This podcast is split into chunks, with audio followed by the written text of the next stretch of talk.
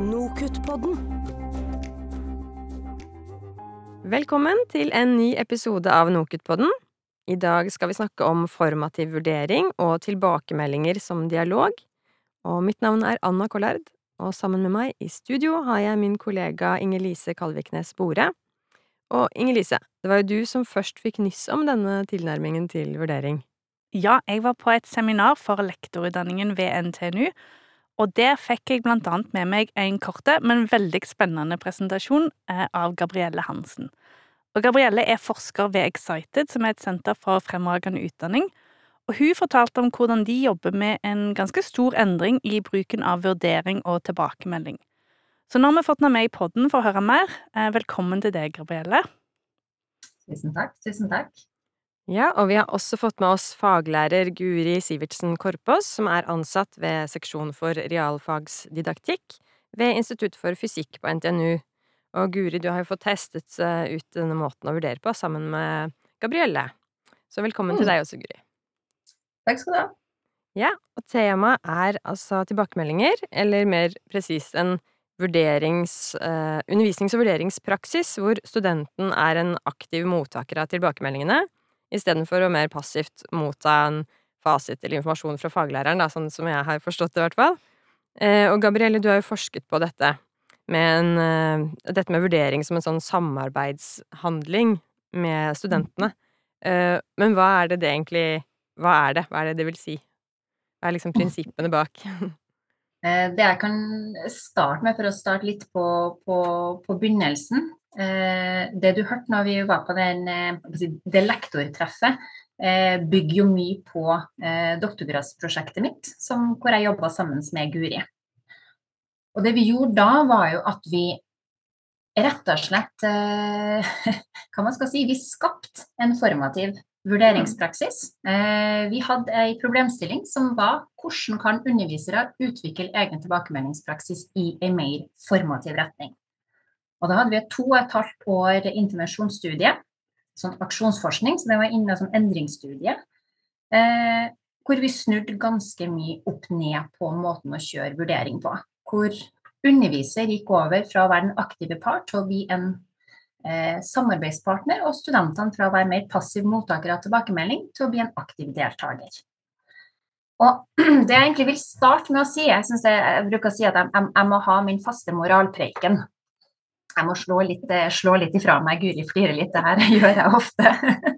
Men altså hele eh, konteksten for både det prosjektet og det prosjektet som, som vi skal kjøre på lektorutdanninga, det som er viktig å få frem, er at det opererer innenfor det nye paradigmet når det gjelder tilbakemelding. Det er kanskje ikke alle som vet at forskningslitteraturen allerede i 2010 endra sin tilnærming til tilbakemelding. I dag, i forskningslitteraturen omkring tilbakemelding, så blir ikke tilbakemelding lenger ansett som noe som blir gitt til studentene, noe studentene mottar der underviser har brukt sin faglige kunnskap og sin vurderingsferdigheter og retta og levert fra seg en pakke, og hvis studentene tar det her til seg, så har det skjedd en overføring av kunnskap. Den har man gått bort ifra. Det tilhører den gamle forståelsen. Tilbakemelding begynner nå ansett å være en sosial prosess, hvor studentene er aktive, likeverdige partnere i hele prosessen. Sett kriterier, sett mål, lag seg strategier, vurder de underveis, monitorer egen framgang, altså utvikle de her vurderingsferdighetene sjøl. Litt sånn i tråd med livslang læring. Så det var jo det som på en måte var den empiriske paraplyen for dette prosjektet her. Studentene skulle fram i lyset. Og det vi da gjorde, var at vi endra det som var en ganske tradisjonell vurderingspraksis i matematikk. Den besto av arbeidskrav 14 arbeidskrav gjennom et skoleår, uh, hvor studentene kom på campus. Dette var, faget var matematikk. Uh, de hadde en matematikkprøve. De svaret på spørsmål. De leverte inn. De venta i 14 dager, så fikk de besvarelsene levert tilbake. De så hvordan de hadde gjort det, og så hadde læreren en gjennomgang og presentert en fasit. Veldig tradisjonell, veldig vanlig. Underviser gjør vurderingsarbeidet, og underviser er den aktive. Det vi gjorde, var jo at vi gjorde om på det der ganske kraftig. Vi beholdt testene, men vi endra hva som skjedde etterpå.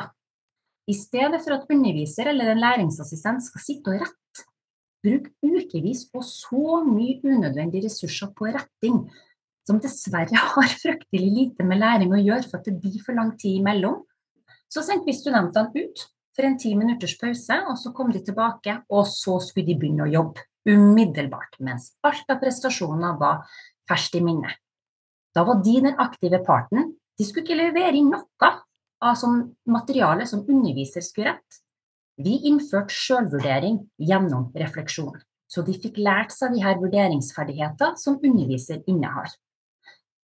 Halvparten av tida så satt de i gruppe, sånn at de skulle faktisk lære seg å snakke matematikk sammen.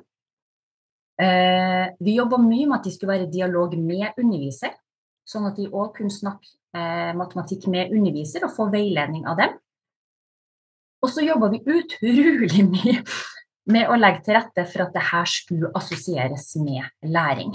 Det var som en av studentene sa til meg, bare hun hører ordet matematikktest, så holder hun på å kaste opp, for hun blir jo så nervøs. Så vi jobba så mye med at studentene skulle skjønne at det å ha tatt en test, det, det øyeblikket etterpå, guri meg for et potensial for læring, hvis du faktisk engasjerer deg og er aktiv. Ok, så gjorde du mange feil på prøven. Good for you! La oss begynne å få tak i hva var feil, og hvorfor? Hvordan kom du til denne misforståelsen? Hadde du eh, regna feil, hadde du misforstått regelen, kunne du ha gjort ting annerledes? Enda viktigere, hvor skal du gå nå? Altså, vi jobba aktivt med refleksjon i en sånn feed forward-perspektiv, at de skulle begynne å sette seg mål framover. Så det var jo en ganske heftig endring av det som opprinnelig var veldig underviserstyrt, til en dialog hvor underviser Jeg vil ikke si at underviserne var til sammen fem undervisere med i det her. Var ikke på sidelinja, men de sto ikke på scenen alene lenger. De drev og, og, og fasiliterte alle de her ulike eh, aktivitetene. Og det her var, ble to og et halvt år i prosjekt, som sagt. Eh, først var det bare jeg og du og én til som jobba sammen, og så mm. kom det tre til og ville være med. Så vi hadde jo til sammen nesten 200 student, 250 eh, studenter òg involvert.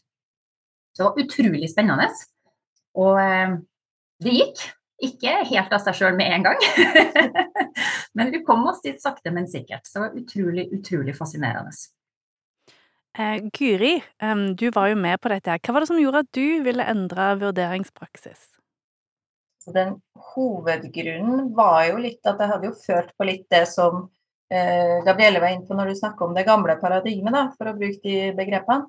Eh, hvor Altså, jeg, jeg, la jo masse tid ned for å prøve å gi da, de her tilbakemeldingene, gi vurderingene til studentene, sånn at de skulle ha noe å jobbe videre med.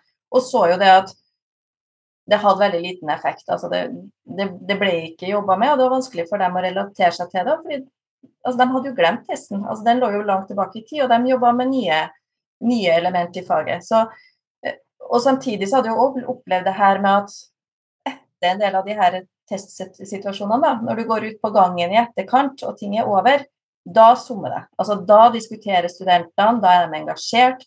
Da kommer de med alle spørsmålene til meg og vil ha svar og vil liksom vite mer om hvordan, hvordan skulle de ha tenkt. Har de tenkt uh, riktig? Uh, hva, hva, hva, altså det er jo da de vil ha tilbakemeldingene, på sett og vis.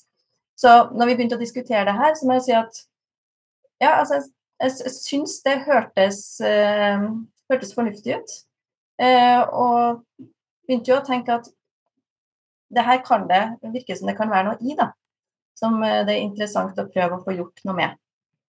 Og bare det å få muligheten til å ha noen Altså jobbe med noen som da er inn og observerer deg som underviser, og kan gi Og i et sånn her type samarbeid var jo utrolig givende, vil jeg si. Så hvordan jobbet dere for å legge til rette for at studentene skulle, um, skulle lære av dette? For eksempel øyeblikk etter testen, som Gabrielle snakket om. Um, hva gjør dere for, å, for, at studentene skal få noe ut av det? Altså, vi gjorde jo forskjellige ting. Mm. Uh, ja. Det vi en av de valgene vi tok veldig bevisst, var at hver sånn gjennomgang det starta med en læringsorientert intro. Der undervisere hver enda gang. De følte litt at de gikk på, på repetisjon her. Veldig, hver gang, veldig mye repetering. Hadde en sånn intro hvor de fronta hva er formålet med denne gjennomgangen her. Jo, her er vi for læring. Her skal vi få frem alle misforståelsene, få dem opp i lufta, og så skal vi begynne å legge inn innsats for å komme oss videre. Uh, og så uh, tok man jo først seg spørsmålene i testen, uh, og fikk gått gjennom dem. fikk dratt med studentene inn, og studentene som sagt vurderte seg sjøl. De ble gitt konkrete refleksjonsspørsmål, sånn at de satt og vurderte seg sjøl i, altså i denne gjennomgangen. Ble satt av tid til det. Det som var litt interessant med, altså I begynnelsen så trodde jo studentene at det hadde rabla fullstendig for underviserne. De første intervjuene de, de, de, de, sa jo at de skjønte jo ingenting i begynnelsen. Det var en test i matematikk. Og så er ikke fokuset på å få to strek under svaret lenger. Fokuset er på hva som ligger bak svaret, og refleksjon. De sa rett og slett at det her ga ikke mening i begynnelsen. Mm. Men underviserne ga seg ikke.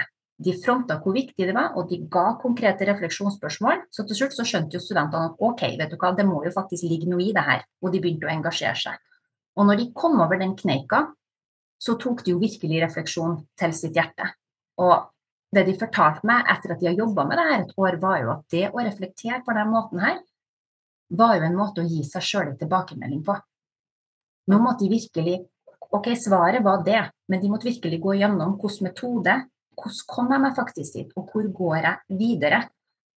Og de brukte ord som økt bevissthet. De begynte å skjønne mer av hvorfor de hadde tenkt sånn som de hadde tenkt. Og at de trengte mindre tilbakemelding fra faglærer, for de begynte å lære seg å gjøre det her sjøl.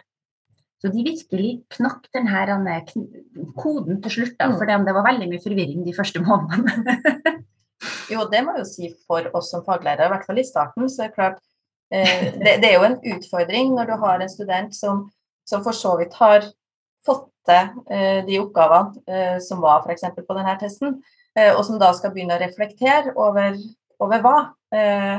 Og det, det, er jo der vi på en måte må begynne å diskutere og si og skjer. Okay, men hva, hva, er da interessant å reflektere over? Jo, det kan jo være Er det en usikkerhet i de svarene du har nå kommet fram til? Er, Føler du at det her er noe du virkelig kan ordentlig godt, som du òg tenker at du kommer til å huske tre måneder fram i tid?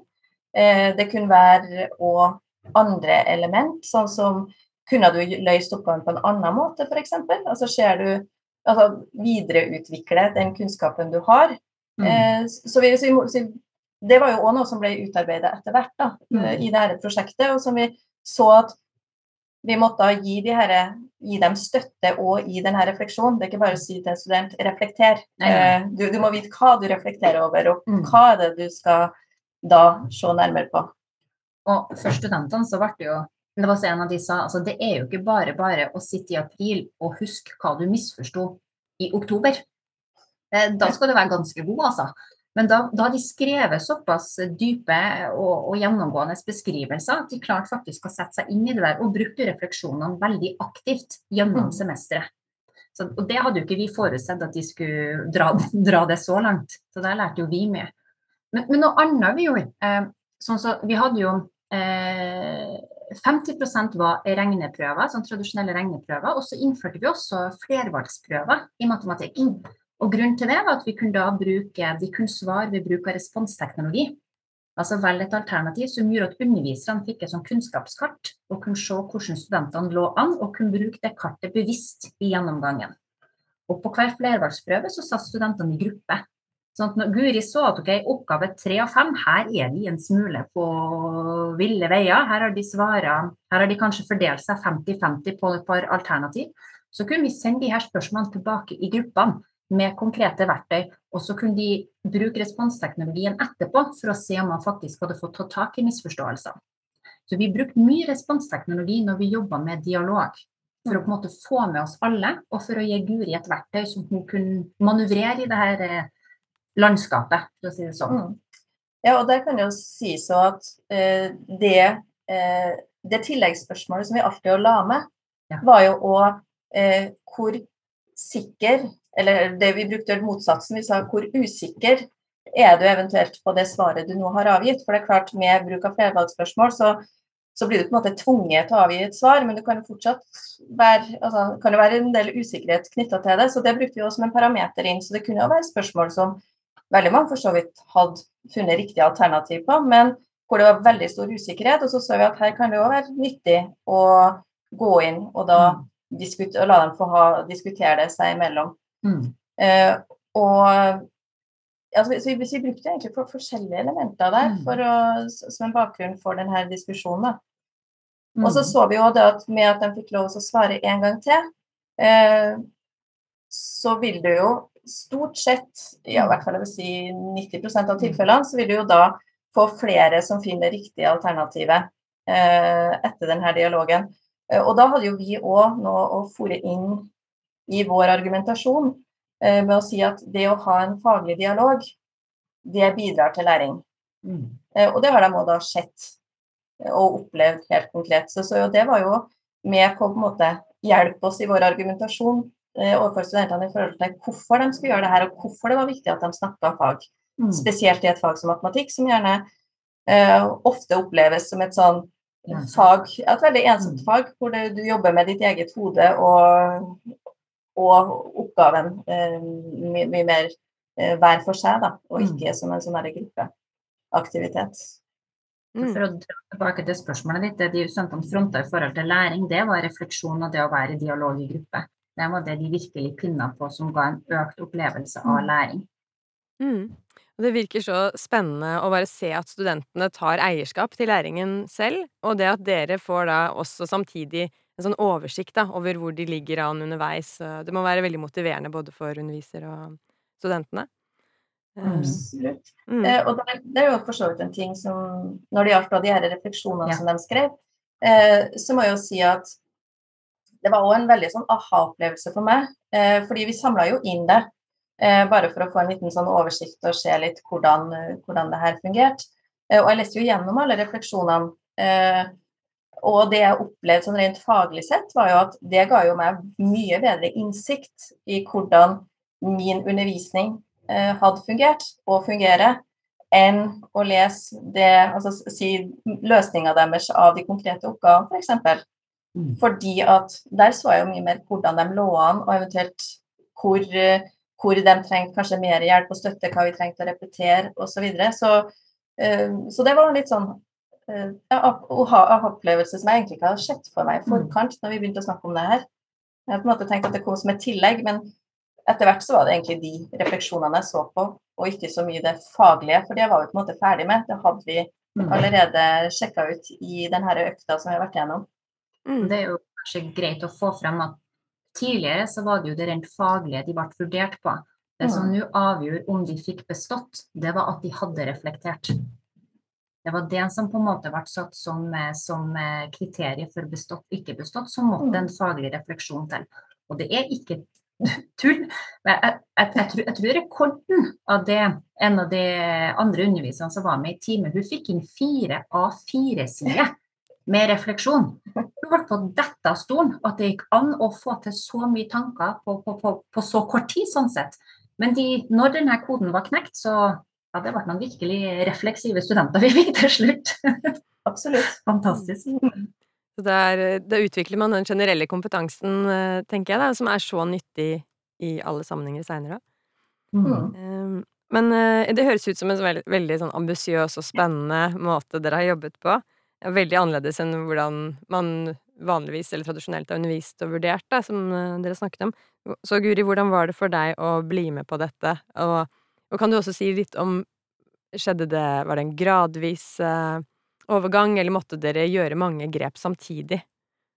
Altså, vi, vi gjorde jo, det var en gradvis mm. utvikling. Som Gabrielle sa, så var jo det et prosjekt hvor vi i første omgang var to undervisere inn.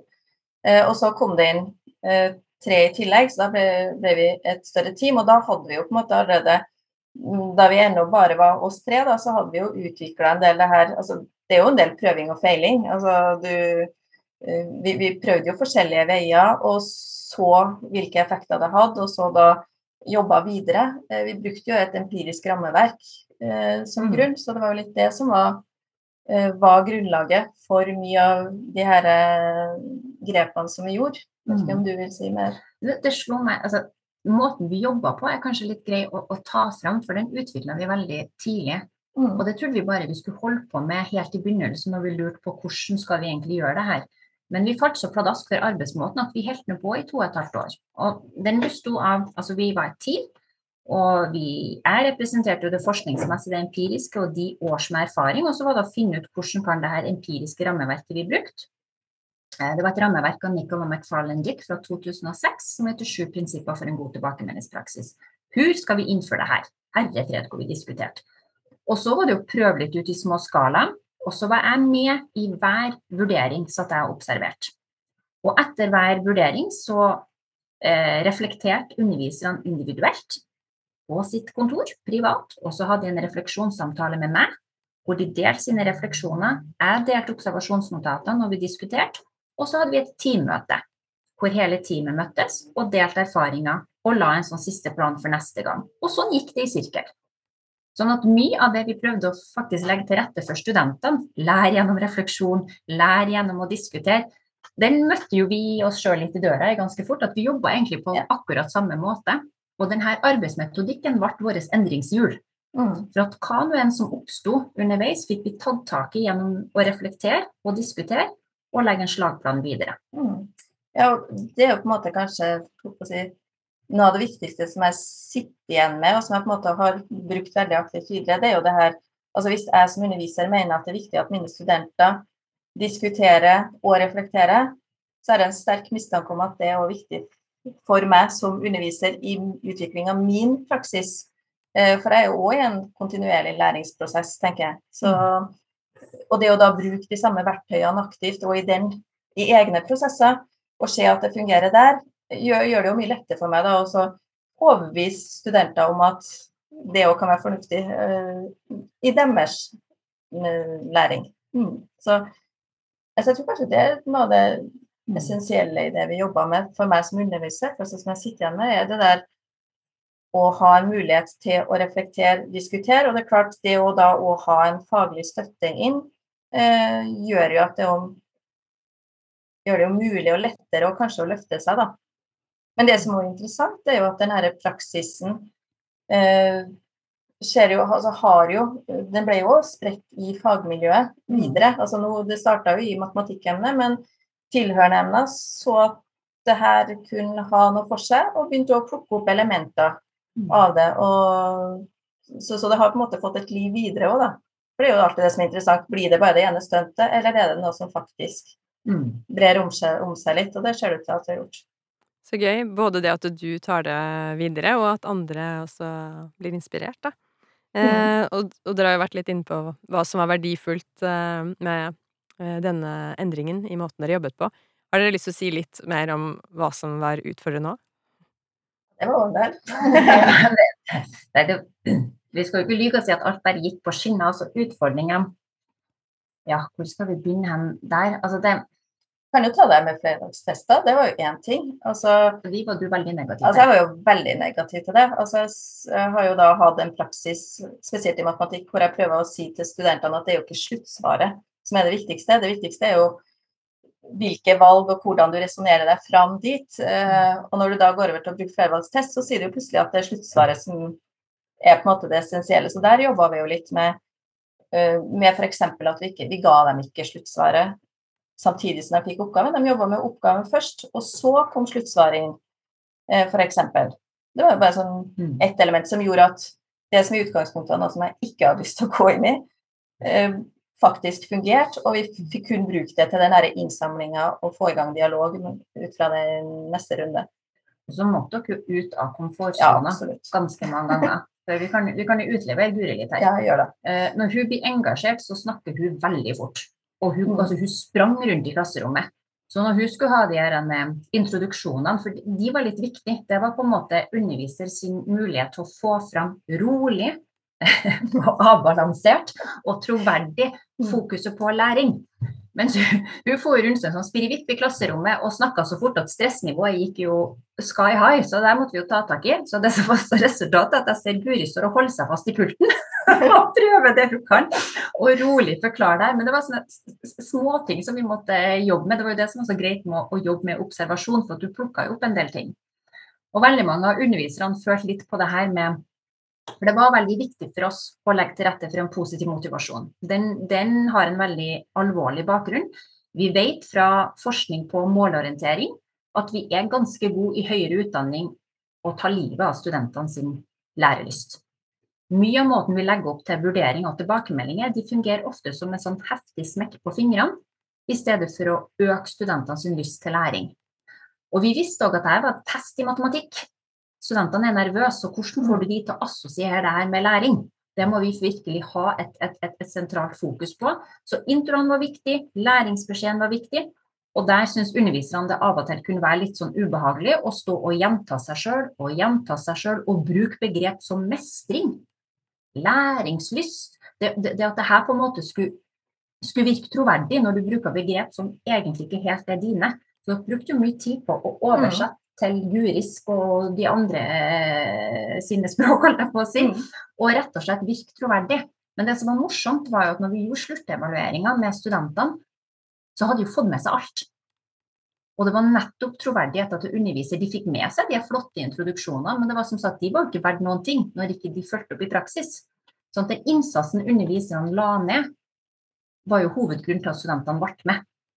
Men der, eh, der måtte vi jobbe litt. For det var Absolutt. Jo, og det er jo, det, det er jo som Gabrielle sier, det her når du skal begynne å si andre ting enn det du har gjort tidligere, eh, og, og, og hvor du skal prøve å overbevise når du kanskje ikke andre er overbevist sjøl. Ja, selv i den første fasen så, så, så er man jo òg eh, altså, Sånn vil det jo være en sånn, når du gjør denne type endringer. altså Du må jo på en måte få lov å få testa ut det og begynne å se at det virker, og det vet du jo ikke de første rundene. Mm. Eh, men det er klart, det å da ha noen som på en måte ser deg litt i kortene og som pusher deg litt i den, der, i den settinga, det, det, er jo absolutt en hjelp. og jeg tenker jo uh, nå, nå, nå, kan Det bare, altså, det finnes nok ikke nok sånn Gabrielle til å gå inn i alle undervisningsrom i høyere utdanning i dag, men, men der tror jeg det er veldig viktig at vi som undervisere jobber, altså, jobber sammen og tettere og mer teambasert òg.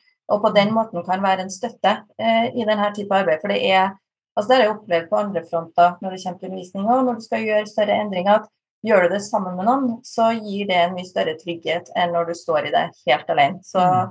Så det er kanskje det viktigste aspektet her, det å faktisk ha noen å ha en dialog med og reflektere rundt det du faktisk gjør, da. Mm. Uh, og dette her kjenner jeg at jeg kunne tenke meg å snakke mye mer om, og mye lenger om, men vi må faktisk snart avslutte. Så bare et siste spørsmål. Nå sitter det sikkert noen der ute og lytter og er veldig nysgjerrig på hvordan man kan teste dette her ut, uh, uten at man har et sånn større apparat rundt som dere hadde, da.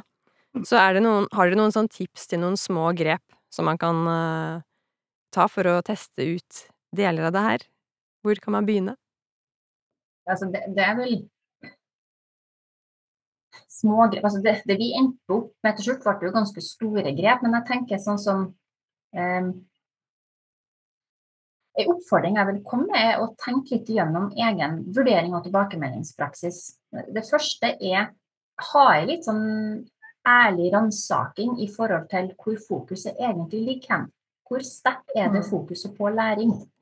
For at det overskygges fort av fokus på prestasjoner. Så hvor bevisst er du egentlig på hvor du ligger an i løypa der? Eh, og ellers er eksempel refleksjon er en, kanskje den enkleste mm, grepet å begynne med. det, å I små grep om studentene har løst en oppgave, eller om at de har et prosjekt, eller hva de nå enn har, og føye til en refleksjonsbit.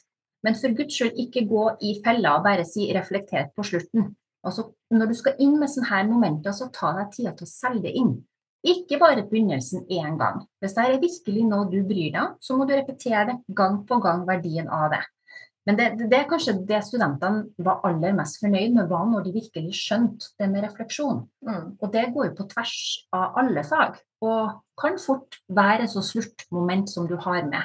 Og da har du plutselig begynt å male denne vurderingspraksisen din i litt grønnere farge, hvis vi sier at grønn nå er et fokus på mestring og læring. Mm.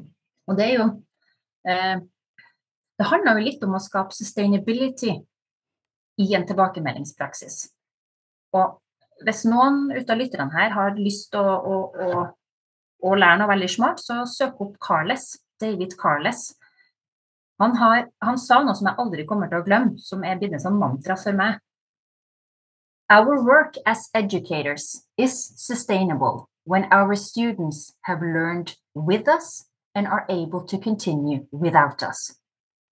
Så Den tenker jeg også er litt god å ha med. Hva gjør du egentlig der du legger til rette for at de faktisk kan lære seg grep for å ta videre i egen læring når du ikke er der lenger?